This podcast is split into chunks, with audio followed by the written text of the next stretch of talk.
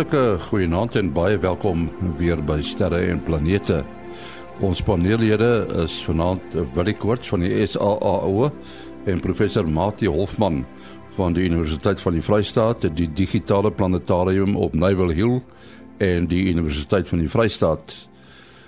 Ons gaan net nou luister na Kobus Olkers met uh, son weer nuus, maar eers ruimte nuus wat elke week vir ons geskryf word deur Herman Turin in Bloemfontein. Tydens die uitsending van verlede week se ruimtenis het 'n baie sterk bui reën en haal oor Bloemfontein uitgesak. En dis die tuiste van paneerlid Mati Hofman die skrywer van Ruimtenis.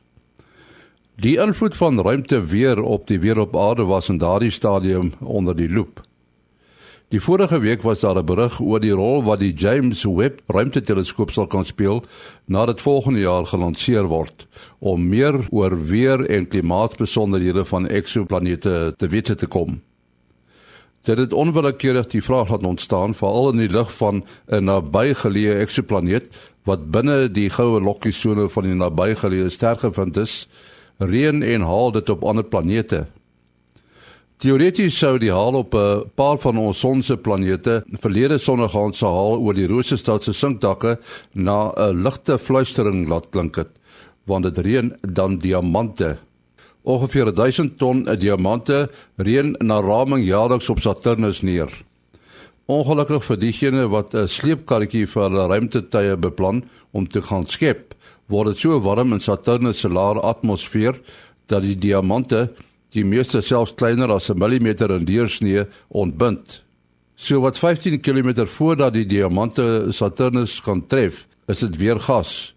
In die hoë atmosfeer word die diamantjies gevorm danksy die energie wat deur donderslae vrygestel word. Twee sterre wat om mekaar wentel gaan teen 2083 teen mekaar bots en saamsmelt. Dit is nou volgens wetenskaplike berekeninge. Die twee sterre wat as Phi Sagitta bekend staan, is besig om al nader aan mekaar te spiraal en terselfdertyd staan die groter een materiaal aan die kleiner af. Volgens sommige bronne steel die kleiner een dit, maar ander meld dat dit die groter een is wat die kleiner een voer. Wanneer die botsing plaasvind en 'n nova vorm, sal die nuwe ster vir ongeveer 'n maand lank die helderste ster aan die hemeltrans wees. Die twee sterre is ongeveer 6800 ligjaar van die aarde af. Sagitta is die Latyn vir pyl. Tot sover dan ruimte nuus en dankie aan Herman Turin in Bloemfontein. Hier is Kobus Holkers nou met 'n ruimte weer. Goeienaand en goeienaand luisteraars. Ja, hierdie week is 'n uh, het ons 'n interessante son voor ons. Ons het die verlede week uh, soos voorstel 'n bietjie auroras gehad uh, as gevolg van die koronagaatjies en hierdie week gaan nie veel anders wees nie behalwe vir die feit dat hy sommer van nou al met die intrapslag al al aktief is. Daar's 'n duisternis klein koronagaatjies wat nie ons geomagnetiese toestande hier op die aarde veel gaan beïnvloed nie, maar ons gaan dit wel sien in die auroras van al die partikels wat inkom. Dan het ons nou nog 'n interessante ding en dit is 'n 'n aktiewe areaetjie op die son. Ehm um, hy is nie so sterk dat ons hom kan sien met as as 'n sonvlek nie. Maar hy is wel deeglik daar en hy is ook nou geo-effektief en al wat hy eintlik vir ons doen is hy wys vir ons net 'n baie mooi prentjie. As ons nou na die uh ekstraal beelde kyk wat van die STO se webwerf afkom, dan gaan ons dit goed mooi sien. Maar die interessantste verskynsel hierdie week op die son is 'n is 'n magdom van van filamente. Daar's 'n massiewe groot een hier in die onderkant in die onderste uh halfrond van die son. Hy is so groot, hy lyk soos 'n glimlag as 'n mens nou die son as 'n gesiggie wil beskou. Baie groot, hy lyk nie vir my te stabiel nie. Dit daar is 'n ek sou sê groter as 20% kans dat hy dalk kan platval. Want die wêreld om hom is, is redelik onstabiel van die koronagate. Dan het ons nog so hele paartjies van hulle wat so oor die noordelike halfrond van die son versprei is. Hulle lyk bietjie meer stabiel en ek glo nie ons gaan ehm um, veel van hulle af kry behalwe weer eens as ons nou gaan kyk na die ekstraal beelde dan lyk hulle pragtig daar op die son. So wat ons uh, gebruikers hier op aarde in Suid-Afrika betref hierdie week, ek glo nie ons gaan enige probleme hê met met selfs met ehm uh, met langafstand radiokommunikasie nie, definitief geen uh, magnetiese probleme vir vir die vir die elektrisiteit en vir die GPS en al hierdie soort van dinge nie. Uh dit gaan net 'n 'n mooi week wees en ek wens dieselfde vir almal toe. Goeienaand. Dankie Kobus daar in Florida, Amerika. Nou kom ons luister weer na Chris Hatfield en hy gesels oor interessanthede wat in die ruimte beleef word. In so many movies, you see that the only way that they survive interstellar travel from one star to another is to freeze yourself into cryo sleep. We don't know how to do that. Right now, when you freeze water, which is what we're mostly made of, our blood and everything, it goes into crystals. It turns into ice crystals. And if you allow the beautiful, delicate nature of your human body to expand into ice crystals, it'll destroy the structure of you. It'll kill you. You know, frostbite destroys it so that you get gangrene in your hand. You'd end up with entirely destroyed bodies. So right now, we do not know how to successfully freeze a human body so that it is not going to be permanently destroyed. Maybe we'll figure it out someday. But all of those movies that rely on freezing the crew, we don't know how to do that. Dit was aan Chris Hatfield. Soos gewoonlik het ons uh, vir Willie Koorts en vir professor Mati Hofman hier by die Sterre en Planete mikrofoon vanaand. Uh, ons gaan eers gesels oor 'n interessante gebeurtenis. Een van die ruimtevaders op die internasionale ruimtestasie is blykbaar op 'n manier gediagnoseer met 'n bloedklont, ek weet nie waar presies nie. En uh toe is die bloedklont, nou weet ek nie hoe hulle dit gedoen het nie. Uh met afstandbeheer reggemaak. Nou weet ek nie wat die uh het hulle vir hom gesê wat 'n medikasie om te vat of hoe werk dit? Ja, ja, vreeslike interessante storie. So soos jy sê, dit was hulle nou nie sy naam bekend gestel nie, so 'n mens verseker verstaan, uh, want hy's al terug op die aarde ook en hy moet 'n Amerikaner wees.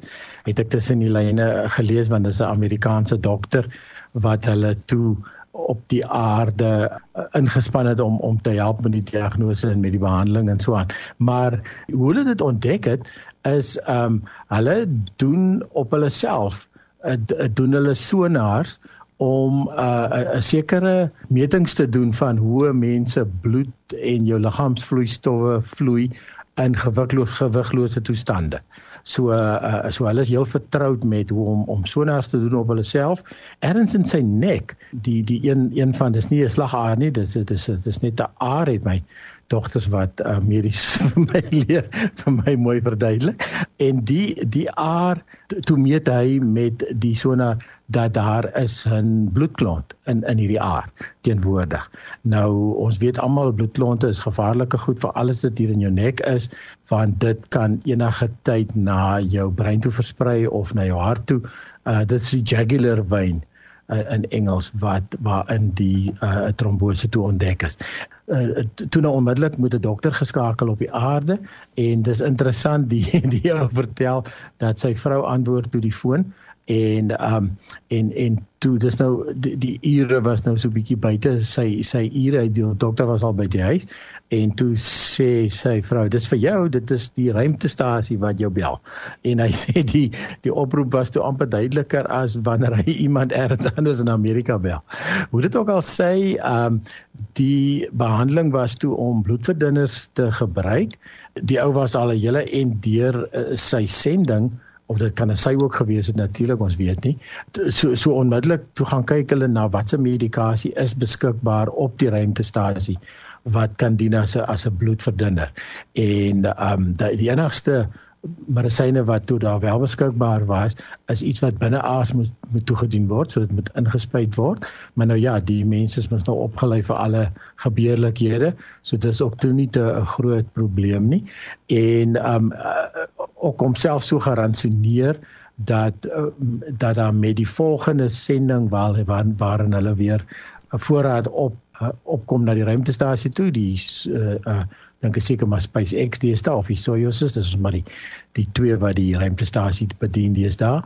Ehm uh, sou daar toe nou medikasie in pilvorm wat hy toe nou kon kon gebruik. So uh, ja, so toe nou dit, dit heeltemal ehm um, kan dit natuurlik nou meet met die sonar ook. Nou die groot gevaar is nou wanneer jy terugkom aarde toe uh uh word jy natuurlik taamlik rondgeruk jy word dan taamlike sogenaamde G-forces jy word taamlik uh, gravitasie versnellings op jou liggaam toegepas. Uh, uh en die gevaar is dan dat die bloedklont kon loskom uh wanneer hulle terugkom aarde toe.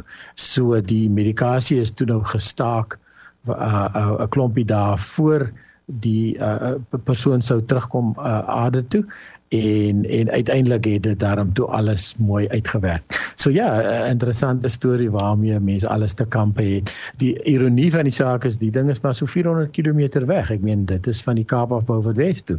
Uh dit kan jy maklik met 'n motor ry, maar die probleem is die uh, stasie beweeg teen wat se 28000 km/h. So jy, jy kan nie net 'n dokter opstuur en en gou gou gou gaan help in in so aan nie. Ja, mens wonder as die mense nou Mars toe wil gaan, wat hulle onder daai omstandighede sou doen. Hulle sal 'n baie mooi paklysie moet hê vir wat alles in die noodopkussie moet gaan en in die mediese uh en natuurlik uit die aard van die saak sal jy definitief 'n medies gekwalifiseerde persoon moet saam sa, saamstuur en dan hoop jy net dat daai persoon is nie die een wat siek word nie. So ja. Matie, ons het al in die verlede gepraat oor uh sogenaamde lugseile. Dan oor uh, dit is uh, seile in die ruimte uh, wat uh deur is dit nou deur fotone aangedryf word. Uh nee, ja, mens kan nou uh, stralingsdruk uh gebruik. Mens kan maar daaraan dink dat uh dat lig vanuit die oogpunt van die, die deeltjie model bestaan uit uh pakkies energie en momentum en as 'n uh, uh, voorwerp met momentum maak nie saak hoe klein is dit is nie. Bots met 'n ander liggaam dan draai momentum oor.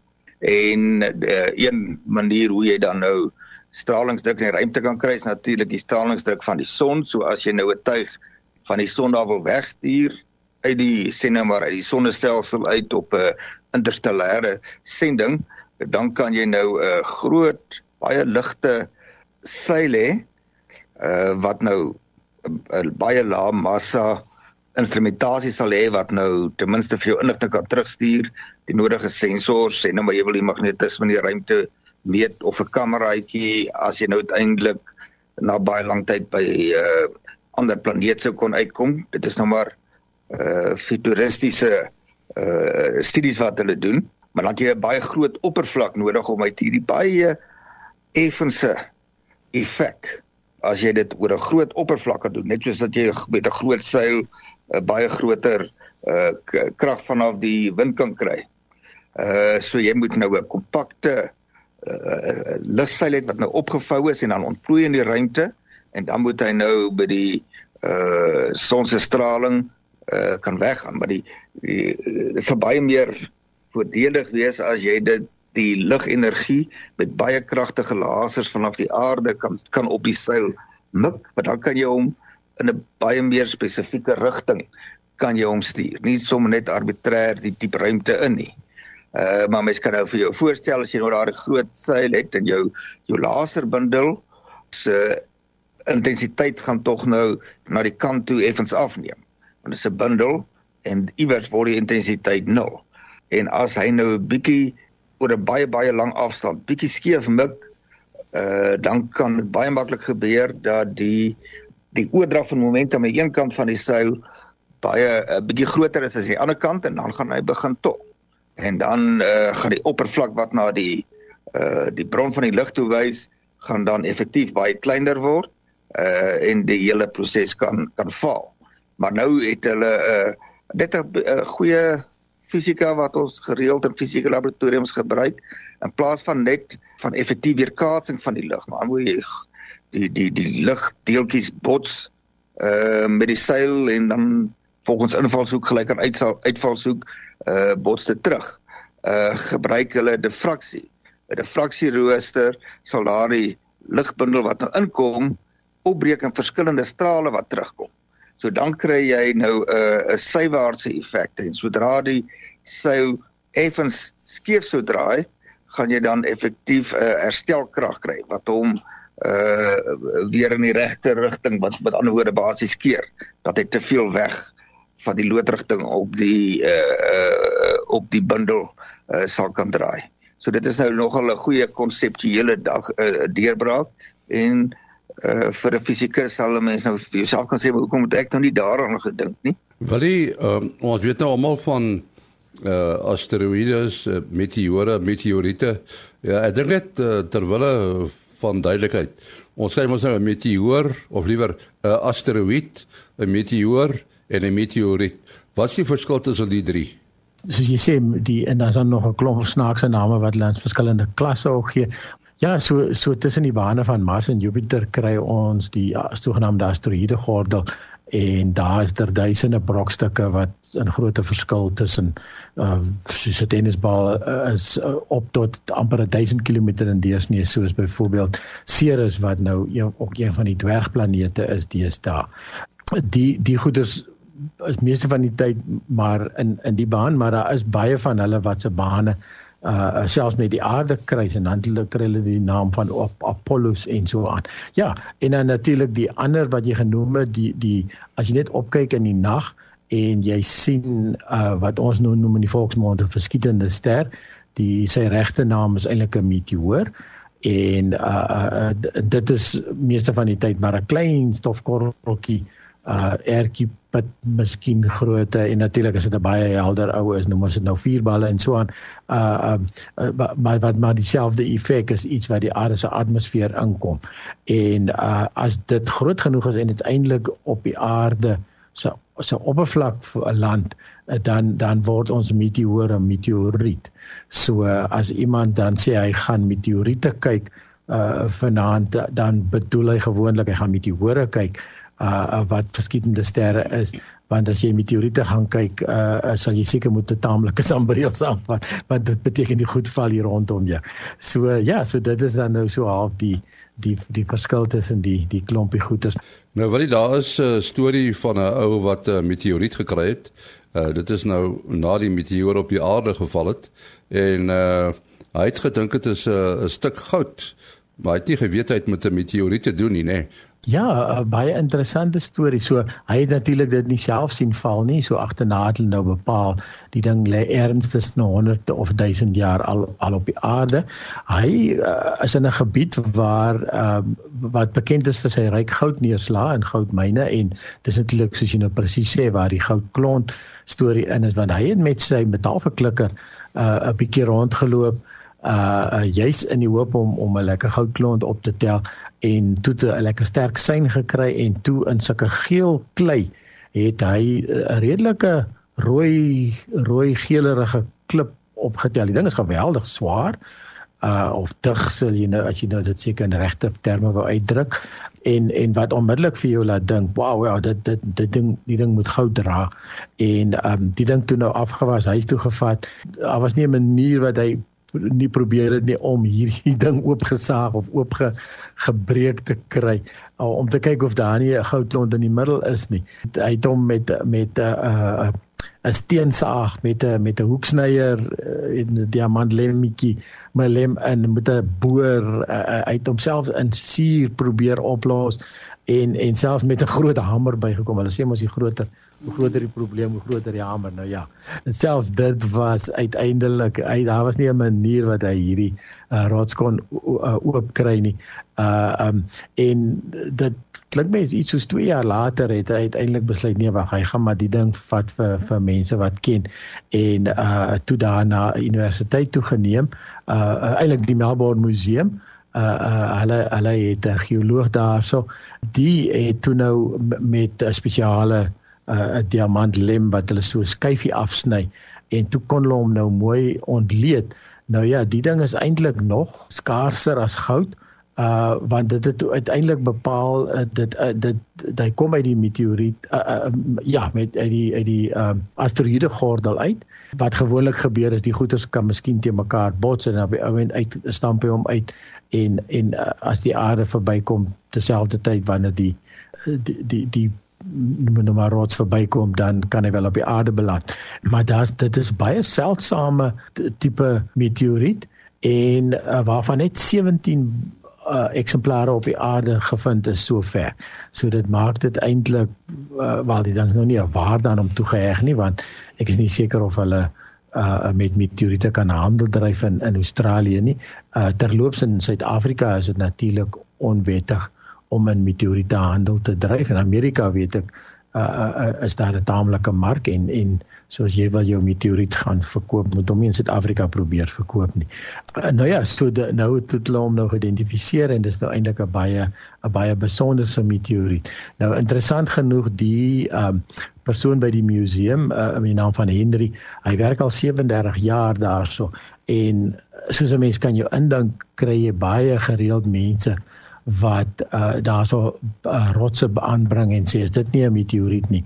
En in sy 37 jaar was dit een van twee sover wat toe nou uiteindelik 'n 'n meteoriet wel uh, is. Uh, ja, hy weeg so so 17 kg en ehm um, die die interessantste as ek sê dit was nou iets soos soos 2 jaar wat hy nou uh, om uiteindelik uh, by hulle uitgekry het.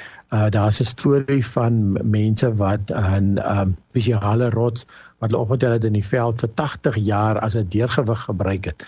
En uh totdat iemand uiteindelik gesê het, "Maar jongens, dit nie 'n meteoriet nie." En so uh, na 80 jaar is hy uiteindelik daarna 'n museum toe gevat en geïdentifiseer as as wel 'n meteoriet van die ja, buitenste. Ja, ek wou vir jou vra, uh, ek dink dat baie mense wat wonder, hoe sal 'n mens weet jy het hier met 'n meteoriet te doen? Ja, op die oog af is dit gewoonlik nie so maklik nie.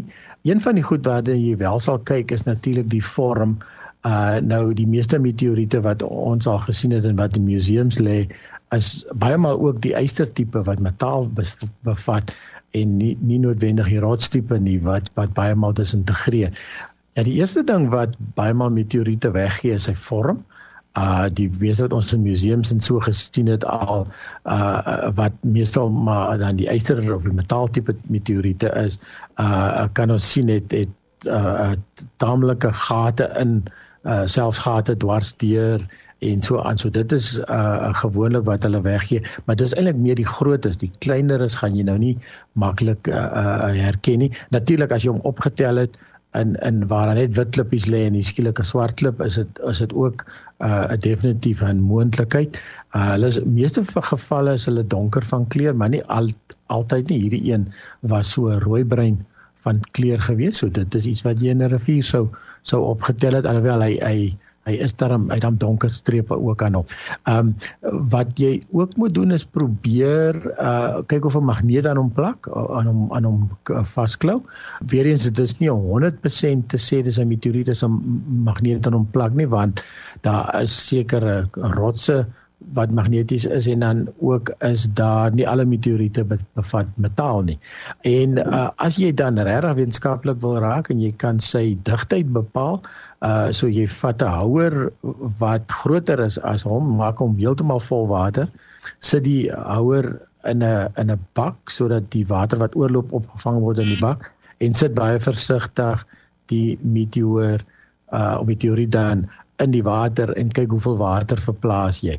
Um, dan kan jy rowwie dekry van sy digtheid as jy dit deel dan deur sy massa of gewig dan nou wat jy op 'n skaal meet wat al al 'n soort van 'n aanduiding sal sal gee maar weer eens die beste is maar om hom ergens by 'n geologie departement van 'n uh, universiteit of 'n museum of iets uit te kry. Ja, daar is nou Mati uh ook 'n poging weer om die uh, ruimte van rommel te bevry. En uh dit is 'n uh, interessante sending wat uh, beplan word. Ja, uh en dit is nou al geruime tyd uh baie konsepte wat ontwikkel uh, word. Die verskillende metodes wat mense voorstel hoe hulle moontlik die die ruimte kan deklatter die uh die gevaarlike val die groot uh voorwerpe verwoestende effek dit kan hê as dit nou met ander satelliete of die ruimtestasie uh, sou bots. Ons weet selfs klein deeltjies weens die relatiewe snelhede kan al uh, aansienlike skade aandrig. Maar wel nou gaan die eerste werklike sending onderneem word wat hoef uh, verder gaan as nou net 'n uh, konsep. Dit tot wys daar's verskillende konsepte die jare uh, aangepaste die, die, die groot net soos wat die mense visse vang met 'n baie sterk materiaal wat uh, laat digtheid het wat baie groot kan oop uh, oopspan en dan kan jy nou die kleiner tipe stukkies so versamel maar groter stukke is die uh, een ander een van die voor die hand liggende metodes is om 'n ander tuig op te stuur uh uh wat dan oor vierpyl motore bes, uh, beskik of die sogenaamde thrusters. Uh, ja, 'n bietjie daarmee die Afrikaans. Die uh steam motors, so wat is dit? Ja. Ehm uh, dat nou 'n tuistuur en dan nou gaan spesifiek kan koppel en dan uh, met behulp van die stuur uh, uh vierpyle uh, om te uh, die uh, stuk ruimte rommel te laat afkom totdat dit binne die dig genoeg te deel van die atmosfeer kom en dan gaan die proses outomaties voordat hy inspiraal en dan uh, uitbrand. Nou die uh, Europeërs beplan nou so 'n uh, sending 'n firma wat besigheid in Switserland, Clearspace 1, uh, wil teen 2025 uh, 'n tuig opstuur en hulle beplan om 'n uh, 'n uh, stuk uh, ou vierpyl uh, oorblyfsel wat so 'n uh, paar honderd kilometer bo die aarde is, so amper ongeveer 500 km in 'n massa van so uh, bietjie meer as 100 kg. So so 'n groot mens. Uh dan nou te gaan uh aan hom koppel en hom dan nou te laat uh, uh uiteindelik uitbrand. So dit is dit is die plan en die gedagte is dat dit uiteindelik moet uh, rotine word. Dat wanneer daar soveel ruimte afval en ons is baie afhanklik en seker 'n toenemende mate in die toekoms van die satelliete in die ruimte van kommunikasie, uh, weervoorspellings, landboukundige toepassings. Ehm um, dan maar nou is daar natuurlik onmiddellik enige tegnologie aan afhangende van wie se ander dit is kan goed of sleg gebruik word. Die tipe tegnologie as dit nou op 'n redelike kommersiële skaal ontwikkel kan word, kan gemilitariseer word. So jy kan nou 'n uh, uh, vyandelike moondheidse satelliete gaan in beginsel gryp. Uh maar dis nou maar hoe dit altyd met die tegnologie werk. Mens hoop maar altyd die positiewe toepassing sal bever die voordele daarvan by uh, verre die moontlike negatiewe toepassings uh oortref. Goed, ons moet afsluit. Uh, wil jy besonderhede? Ja, mense kan bel SMS WhatsApp 0724579208.